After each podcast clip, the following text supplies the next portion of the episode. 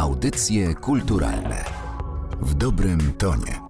Przy mikrofonie Martyna Matwiejuk. Dzień dobry Państwu. Dziś w audycjach kulturalnych porozmawiamy o polskich designerkach szkła. W gmachu głównym Muzeum Narodowego we Wrocławiu prezentowana jest bowiem wystawa czasowa, wystawa zatytułowana Szklane życiorysy. Polskie projektantki szkła 1945-2020. To jest opowieść zaczynająca się od pionierek tworzących tuż po II wojnie światowej przez pierwsze absolwentki Katedry Szkła we Wrocławiu, po projektantki współczesne. W podcaście gościmy dziś dr Barbarę Banaś, kuratorkę wystawy. Dzień dobry.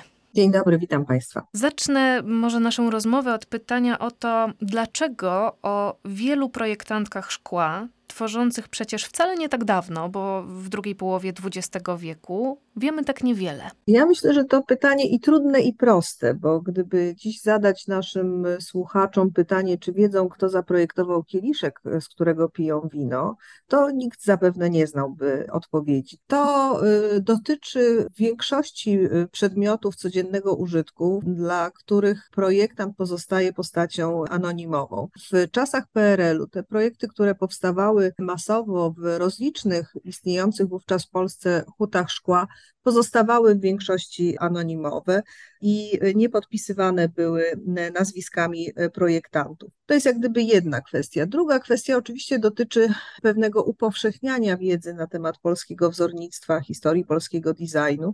I tutaj spotykamy się z bardzo wieloma trudnościami, ponieważ w dużej mierze archiwalia fabryczne, wzorcownie tych poszczególnych hut uległy rozproszeniu czy też zniszczeniu, zaginięciu to też e, zbieranie tych materiałów archiwalnych jest dość żmudne, utrudnione. Sami zaś projektanci w bardzo rozmaity sposób podchodzili do swojej aktywności zawodowej. Byli tacy, którzy ją skrupulatnie dokumentowali, i dzisiaj mogą się tą wiedzą na swój temat podzielić z nami, bądź też y, ich rodziny, ale byli też tacy, którzy po prostu traktowali to jako no, zawodowe zajęcie, którego efekty jak gdyby pozostawiają w fabryce i nie przywiązywali y, wagi do gromadzenia tej dokumentacji także w swoich domowych archiwach. Były wśród bohaterek tej wystawy osobowości szalenie dynamiczne, ekspansywne, świadome swojej rangi artystycznej i dbające o swoje działania działania na tej niwie, a były też takie, które były być może delikatniejszymi osobowościami, bardziej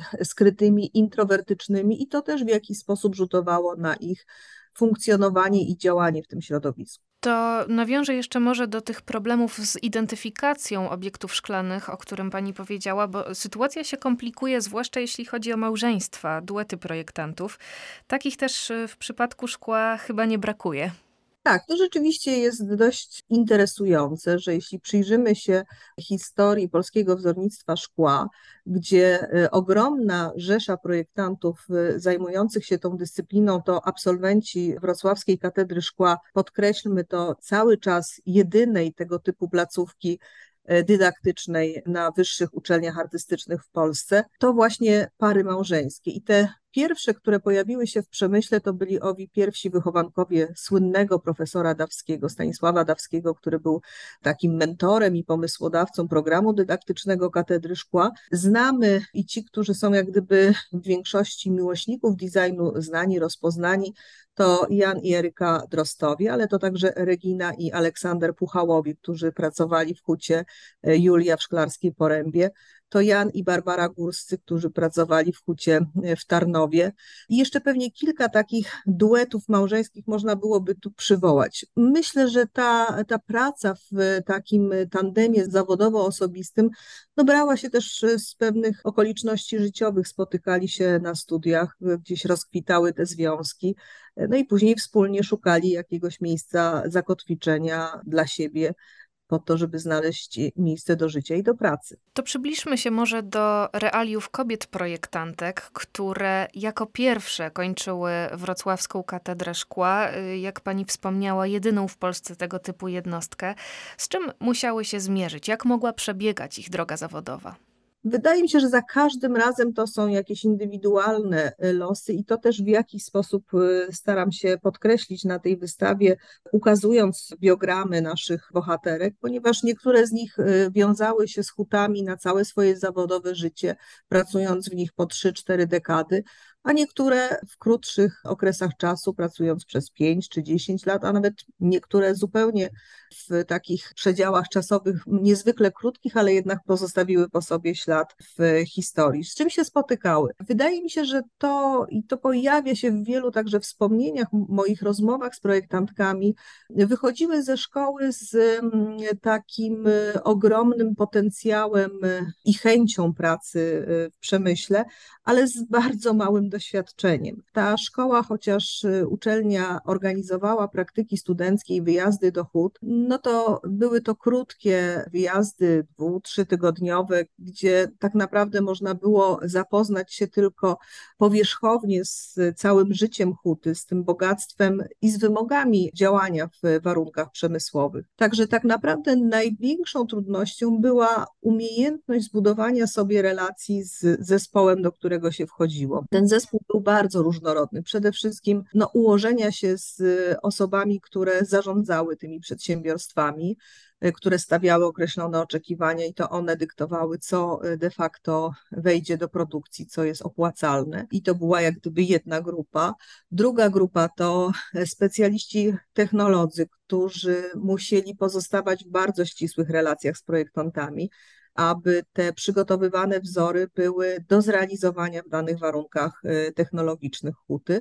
I ostatnią grupą, ale tak naprawdę najważniejszą, bo wykonawczą, to były zespoły hutnicze. To byli ci ludzie, ci mistrzowie, którzy y, po prostu musieli przełożyć to, co pojawiło się na papierze w postaci rysunku technicznego, przygotowanej formy w byt materialny. I od ich y, sprawności, umiejętności zależało, czy rzeczywiście osiągną efekt zamierzony z y, intencjami projektanta.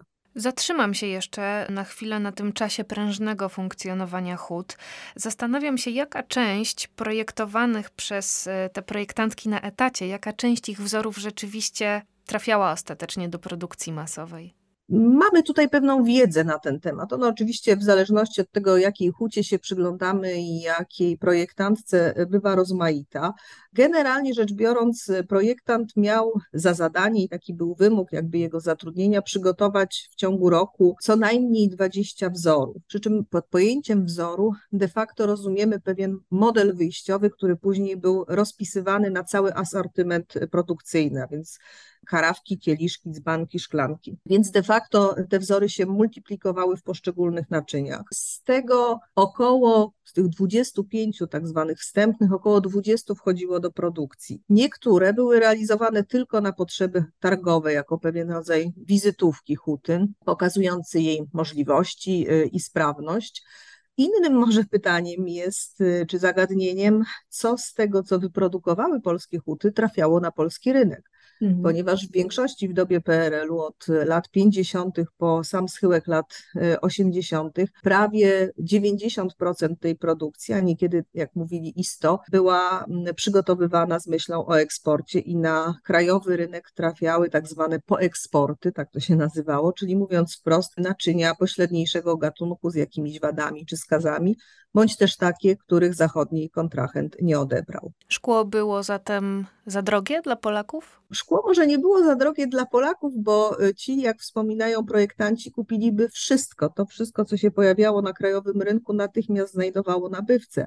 Tu decydował o tym prosty rachunek ekonomiczny. Szkło sprzedawane za dewizy przynosiło określone y, zyski hutom i pozwalało im także na dalsze funkcjonowanie, czyli nabywanie wszystkich niezbędnych komponentów do produkcji szkła, a te często były sprowadzane także z krajów ościennych. W latach 2000 y, większość upadła lub została zamknięta. Oczywiście tutaj głównym powodem były skutki transformacji.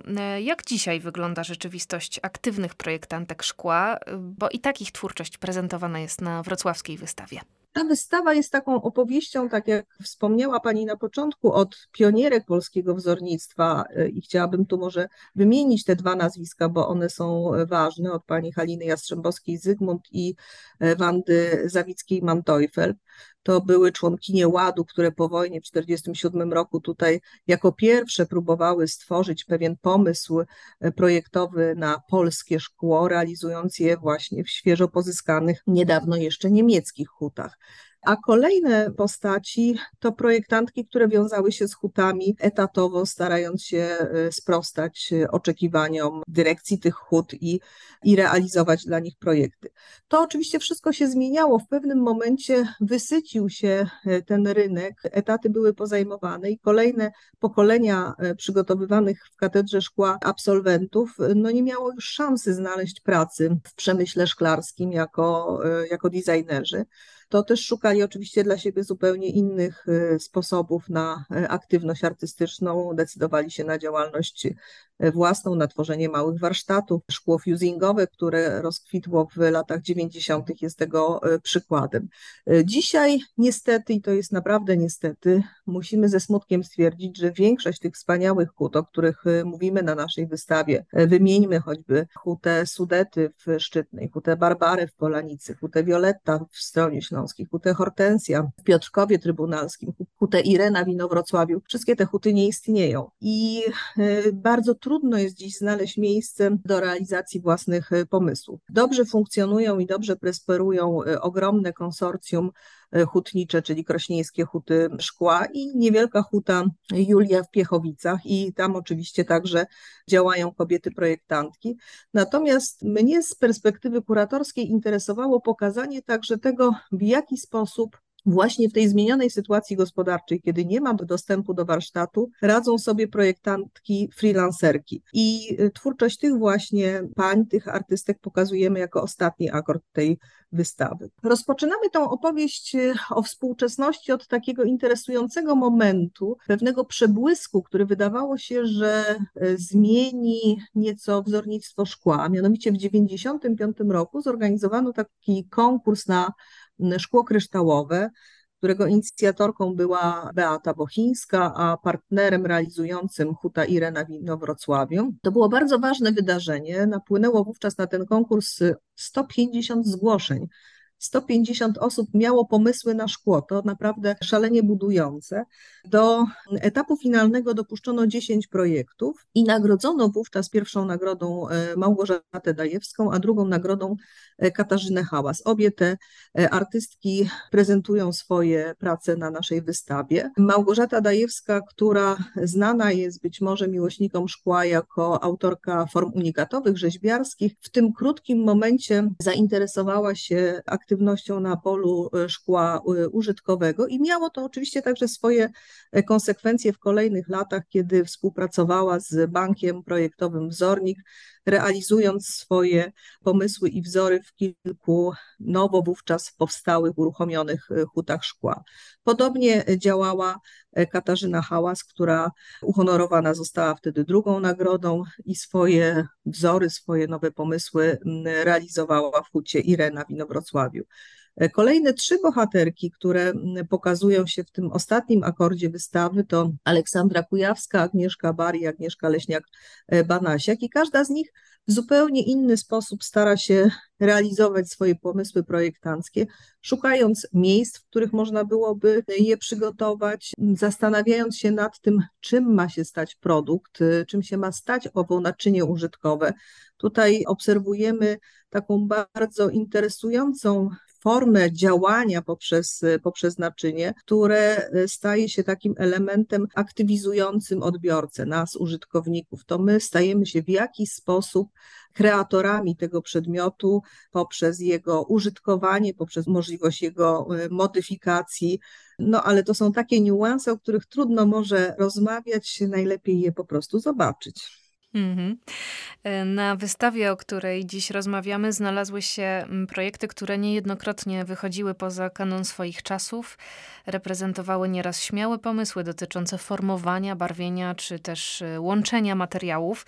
Na co zwrócić szczególną uwagę, odwiedzając te ekspozycje? Czy może inaczej zapytam, w jaki sposób w ogóle powinniśmy patrzeć na obiekty szklane? Myślę, że i tak obserwując oglądających na naszej wystawie, obserwując ich reakcje, to po prostu cieszyć się z widoku tych pięknych przedmiotów i to, co zauważycie Państwo na tej wystawie, to ogromna ilość tych wzorów to są takie naczynia, takie przedmioty, które powiedzielibyśmy, że chcielibyśmy ich używać dzisiaj, że wyobrażamy sobie, że one będą w naszym domu, będą z nami.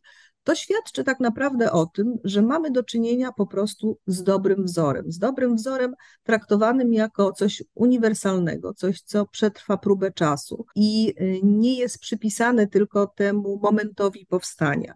Także to jest jak gdyby bardzo y, frapujące, że y, te przygotowywane w latach 50., 60., 70. szkła użytkowe mają ten walor ponadczasowości. Druga oczywiście reakcja, z którą się możemy spotkać na tej wystawie i którą obserwujemy, to także takie rozpoznanie, że pewne obiekty, nie wszystkie oczywiście, które tam pokazujemy, to są obiekty, które rzeczywiście gościły w naszych domach i to wydaje mi się zupełnie naturalne. Ruch kolekcjonerski ruch miłośników szkła okresu lat 60. i 70. wciąż rośnie w siłę i te szkła są w jakiś sposób poszukiwane, więc y, z tym większą przyjemnością y, ich posiadacze odkrywają swoje w cudzysłowie obiekty na tej wystawie.